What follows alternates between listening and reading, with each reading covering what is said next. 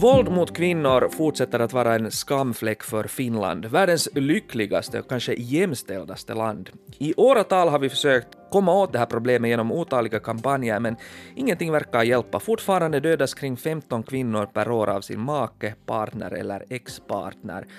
Familjevåldet och våld i närrelationer tenderar dessutom att förvärras kring jul, vilket vi tyvärr har fått erfara nu de senaste dagarna. Så vad beror kvinnovåldet på och varför lyckas vi inte få slut på det? Det här är en väldigt svår fråga som vi ska titta närmare på här i nyhetspodden. Jag heter Johannes Taberman och med mig har jag Natalia Ollus. Du forskar kring våld mot kvinnor vid Europeiska institutet för kriminalpolitik, där du också är chef. Välkommen hit. Tack så mycket. Uh, bara den här veckan har vi här i Finland mötts av två tragiska fall uh, av dödligt familjevåld. I fredags inträffade det här uppmärksammade Ulrikasborgsfallet där en psykiater misstänks ha dödat sin egen fru efter att ha blivit fast för att försöka föra bort liket i bakluckan på sin bil och på söndag hittades en ung kvinna och en man ihjälskjutna i en bostad i Kajana och polisen tror här att det handlar om ett svartsjukedrama. Vad, vad, vad väcker de här fallen för tankar? No, för det första är det ju oerhört tragiskt. Eh, och också på något sätt känns det väldigt, väldigt onödigt. Jag vet ju ingenting om de här fallen annat än vad det nu har stått i medierna. Men ofta, inte alltid, men ofta så har det försiggått någonting där än tidigare. Det har funnits indikationer på att allt inte är okej. Eh, att sällan kommer de här dåden sen som någon slags helt överraskningar om man då sen börjar se lite närmare på de här fallen. Samtidigt som vissa mätningar just visar att Finland är världens lyckligaste land så visar andra undersökningar att Finland är ett av EUs farligaste länder för kvinnor. Nästan varannan kvinna i Finland har upplevt våld enligt en sån här större utredning som gjordes och, och var tredje kvinna har utsatts för fysiskt eller sexuellt våld av sin nuvarande eller ex-partner. Hur länge har Finland så att säga stuckit ut här när det gäller kvinnovåld No, det är förstås de här studierna som då jämför Finland med andra länder så visar ju då det här att okej, okay, vi sticker ut. Och, och, Finland är ju ingalunda kanske helt ensam i den här frågan. Att vi har ju en sån här nordisk paradox på ett sätt. Att de nordiska länderna tenderar, åtminstone enligt de här komparativa studierna, visar väldigt hög frekvens av våld mot kvinnor. Och då har man försökt fundera att vad är det det beror på? Att hur kan det vara att, att världens egentligen jämställdaste länder har en så här jättehög högt antal våld mot kvinnor. Och, och det har liksom forskats i det. Och man har inte riktigt kunnat liksom komma med någon förklaring. Att dels kan man kanske säga att okej okay, att vi vi har kvinnor som är väldigt emanciperade, alltså högt utbildade, har mycket rättigheter. Vi hade ju liksom kvinnlig rösträtt väldigt tidigt. Känner till sina rättigheter. Precis, känner till sina rättigheter. Så då skulle man kunna förklara att okej, okay, kanske det har att göra med det att de tenderar att berätta om det här våldet i just sådana forskningar som görs. Så det, det kanske är en förklaring. Eh, men det förklarar egentligen inte allt. Sen kan man tänka sig att har det något att göra med vår då, någon slags samhällsstruktur. Kanske i Finlands fall så skulle man kunna leta sig tillbaka till inte vet jag, krigstider. Eh, kvinnor hade en väldigt prominent ställning i, i samhället under kriget och kanske då på ett sätt sen tog en del av de här rollerna som traditionellt kanske har på något sätt ansetts vara då manliga roller. Och vissa har försökt förklara det med att det finns då någon slags sån här Äh, statusproblem. Att vissa män då känner sig hotade kanske av de här då emanciperade starka kvinnorna. Men inte ens det heller kanske förklarar liksom det hela. Det är någonting som vi borde forska väldigt mycket mera i.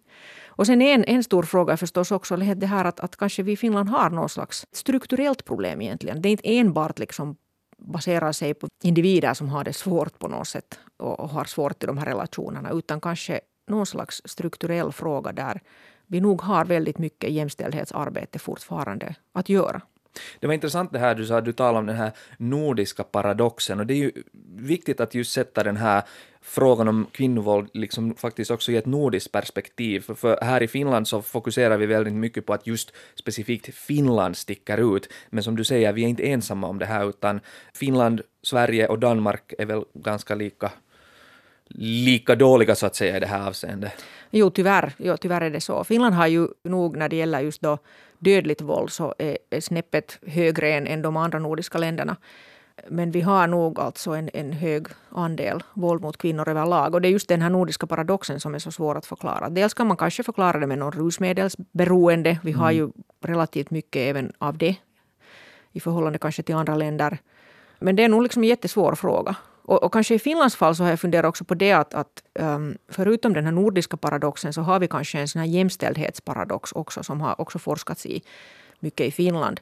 Att vi har en sån här på en sån samhällelig debattnivå eller en sån här samhällelig diskursnivå så är Finland väldigt jämställt. Men ja. sen när det gäller praktiken, hur det ser ut i vardagen, hur det ser ut i förhållanden mellan män och kvinnor, hur det ser ut i till exempel fördelningen av, av olika typer av yrken, i fördelningen av, av arbeten hemma, hemarbete, så är det kanske inte så jämställt som vi på något sätt tenderar att tro. Så det finns även en sån här på ett sätt jämställdhetsparadox även där som kanske skulle kunna förklara en del av det här. Och sen en annan fråga, om jag får säga mm. det här, är också det här att, att vi har ju i Finland relativt sent definierat våld i nära relationer och våld mot kvinnor som ett straffrättsligt problem.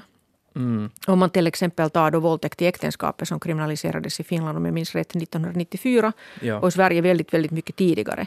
Så det också kanske beskriver hur den här frågan om våld i nära relationer och då speciellt våld mot kvinnor kanske inte ändå har haft en sån samhällelig position eller, eller viktighetsgrad som, som den kanske borde ha haft. Att vi har varit ganska sena att utveckla då olika hjälpmetoder och att utveckla myndighetssamarbete och, och, och sådant mot då våld i nära relationer. Det har varit liksom svårt att på något definiera det här som ett viktigt samhälleligt problem. Jag tänkte ta fast det här vid just det här som du var inne på, den här jämställdhetsparadoxen, nu liksom lite spinna vidare på det. Handlar det på något sätt om att, att Finland lider lite av en sån här liksom snäv kollektiv självbild? Att vi tror att vi är liksom mera jämställda än vad vi egentligen är och kanske inte därför upplever att nå, kvinnor fick jättetidigt rösträtt här och så här, så, så nu vi har det väl helt okej okay här och så tar man inte tag i de här sakerna tillräckligt kraftigt. Det är säkert en förklaring och det här är ju det som just har forskats i i Finland. Att, är det så att, att, att det på något sätt har förhindrat oss kanske från att då på riktigt ta itu med de där konkreta frågorna på den konkreta nivån. Mm. Att vi, vi tenderar ju att i offentligt tal och man ser på hur Finland liksom visar sig utåt väldigt mycket äh, poängtera då kvinnors rättigheter och flickors och kvinnors rättigheter. Och till exempel vårt utvecklingssamarbete fokuserar väldigt mycket på det här och det är ju jätte, jättebra. Men där kanske man ser just den här paradoxen mellan den offentliga retoriken och sen det som de facto sker sen helt på gräsrotsnivån. Kan det vara så att, att, att när liksom kvinnors rättigheter ändå har stärkts här i Finland under årens gång, att det här helt enkelt provocerar män till våld? No, det här är också en, en hypotes som vissa forskare har försökt liksom titta på. Mm. Och det kanske krävs då ytterligare forskning. Jag har liksom svårt att säga. Det, det, det är en förklaring som har lyfts fram. Mm. Att just den här emanciperingen, liksom de kvinnornas rättigheter, kvinnornas liksom förstärkta position i samhället gör att då vissa män känner sig kanske hotade och på något sätt, inte vet jag, till och med förringade och det sen då skulle kunna leda till, till våld i nära relationer.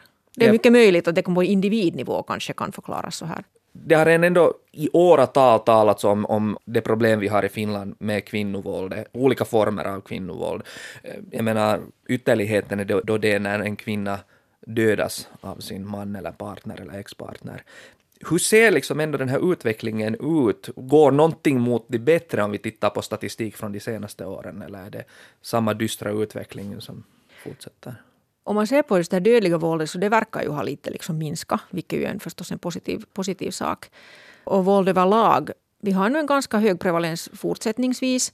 Men om jag tänker på de här positiva utvecklingsstegen så är det det att, att den här frågan har, har en mycket högre uh, viktighetsgrad, tycker jag, och även i den politiska diskussionen och i myndighetssamarbetet. Vi har haft vi har då program, nationella program mot våld mot kvinnor. Det har utvecklats service för offer det liksom diskuterats väldigt mycket och man har kommit fram med olika sorters då sätt att hjälpa offer och försöka liksom på det sättet motverka det här och kanske också med preventiva åtgärder. Så det tycker jag liksom är en viktig, viktig utveckling. Tills vidare så, så har vi fortfarande mycket som borde göras. Vi har till exempel fortfarande inte tillräckligt mycket skyddshemsplatser för, för utsatta, då för offer. Vi har fortfarande inte tillräckligt med specialisering till exempel inom polisen eh, mm. och kunnande just att bemöta då offer för våld i nära relationer. Så det finns väldigt mycket fortfarande som behövs göras. Jag tänker just att dödligt våld är ju liksom bara den här vassaste toppen av isberget och under ytan finns olika former av våld som sexuellt våld, psykologiskt våld, ekonomiskt våld. Hur bra liksom förutsättningar har samhället och myndigheterna på något sätt att ta tag också i, i annat än det här liksom dödliga våldet och se det och förstå det? Men det är en svår fråga för, för man kan på ett sätt se det här våldet som en slags liksom kontinuum där det finns olika grader av allvar och olika grader av hot och olika grader av då, liksom våld. Och det är kanske svårt att just se det där kontinuumet. Samtidigt så tycker jag det är viktigt att man skulle också försöka bena ut att, att de här våldssituationerna kan variera. Att det kan handla just om en enskild händelse. Att det bara sker liksom en gång. Och då är det ju förstås kanske lättare att, att befatta sig med det och liksom på ett sätt få det där våldet att då inte fortsätta. Än om det är en situation där när våldet har eskalerat och hållit på i flera år och där det finns liksom en, en på ett sätt en, en långvarig utdragen utdraget våld i den här relationen. Och där så har vi kanske fortfarande svårt att bearbeta de här liksom olika situationerna och de här människornas olika behov. Så de här lösningarna borde liksom skräddarsys mer helt enkelt? No, det tycker jag nog. Ja. Vi, vi, har i Finland vissa modeller. Det finns till exempel en Marak-modell som är lite som den här Ankar-modellen som, som finns här i, i Helsingforsregionen. Där man försöker med myndighetssamarbete stödja de här personerna och på ett sätt då försöka få det där, då, liksom få det där våldet helt enkelt att, att sluta och, och liksom ta itu med den situationen som en helhet. För att ofta är ju det att om polisen undersöker det så då är det ju liksom, undersöks egentligen den där ena händelsen. Och det är ju viktigt förstås, jätteviktigt i sig.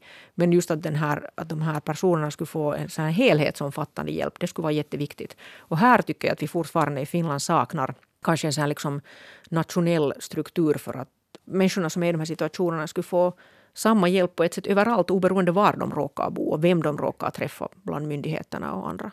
No det som du säger, liksom, det är insatser på flera fronter som behövs, men, men hur är det till exempel med, med en sån fråga som strängare straff? Vad vet man om dess inverkan på att motverka våld mot kvinnor?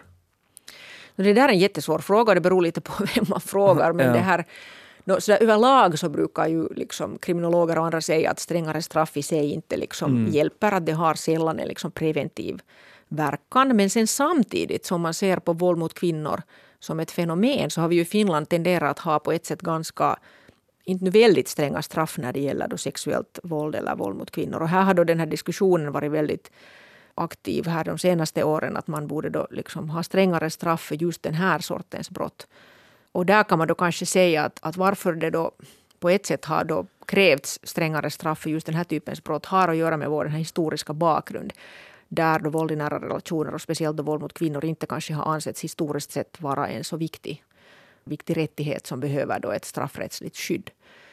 Så det här är liksom en, en, en, intressant diskussion just inom kriminologiska kretsar. Att, att mm. Även om man samtidigt säger att okay, strängare straff sällan liksom har den önskade effekten så har man ändå velat ha strängare straff just för den här typens brott för att statuera att det handlar om ett liksom specifikt brott som måste liksom straffrättsligt skyddas.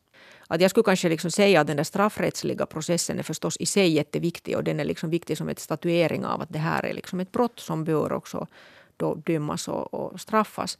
Men jag skulle säga att det finns liksom väldigt mycket som de här personerna, vare sig det handlar om då offret eller den här förövaren, skulle liksom behöva för att helt enkelt få slut på det där våldet. Mm. Att den är liksom, domen är sällan någonting som får det där våldet i sig att liksom ta slut. Vart sjätte brott mot liv i Finland är en kvinna som dödas av sin man och det här placerar Finland då som vi konstaterar i topp i en sån här europeisk topp, låter nu helt fel i det här sammanhanget, men, men liksom det är en dyster topp vi ligger i där i europeisk jämförelse. Men jag tänker på den här liksom våldsstatistiken mot kvinnor kan man liksom lita på det när det ändå gäller eh, våld som så ofta sker i, i hemmet? Att, att, att, vad vet man om det här mörkertalet här? Det vet vi helt från de här förfrågningarna att det är inte så många som, som berättar om det där våldet. Att den här liksom vår höga antal våld enligt de här undersökningarna i europeisk äh, jämförelse resulterar inte i samma höga antal personer som de facto har sen berättat om det för någon. Vare sig då polis eller någon myndighet eller, eller till och med någon bekant eller någon hjälpinstans. Så, jag, så vi antar att det här mörkertalet är ganska högt. Mm. Att det är många som inte någonsin berättar om det som de har upplevt. Den stora fortfarande obesvarade frågan är ju liksom varför det här våldet fortsätter i Finland. Och, och jag tänker att, att om man lite omformulerar den så kanske, inte vet jag om man kan svara på det, men kanske lättare att, att försöka greppa den. Att vad är det som får en man att ta till dödligt våld mot sin egen fru eller flickvän? Handlar det liksom att finska män bara mår så skit? Eller finns det då liksom något mer strukturellt, kulturellt bakom det? No, säkert både och. Det är ju alltså en jättestor personlig tragedi, någonting som har skett där när man går till en sån här ultimat våldshandling. Att säkert är det någonting i just den här våldskulturen som vi har svårt att på något sätt förklara som ligger där bakom. Men också någonting i att just de här personerna liksom begår de här brotten. Så det är ju någonting förstås som de här människorna liksom, de mår ju inte bra. Mm. Det är någonting som är liksom allvarligt fel och det är någonting som vi som samhälle kanske har liksom misslyckats i att bemöta och se i ett tillräckligt tidigt skede för att kunna motverka sånt här till framtiden. Har du på något sätt hopp om att våra nya generationer kommer att kunna på något sätt frigöra sig från det här, eller går den här våldskulturen i arv?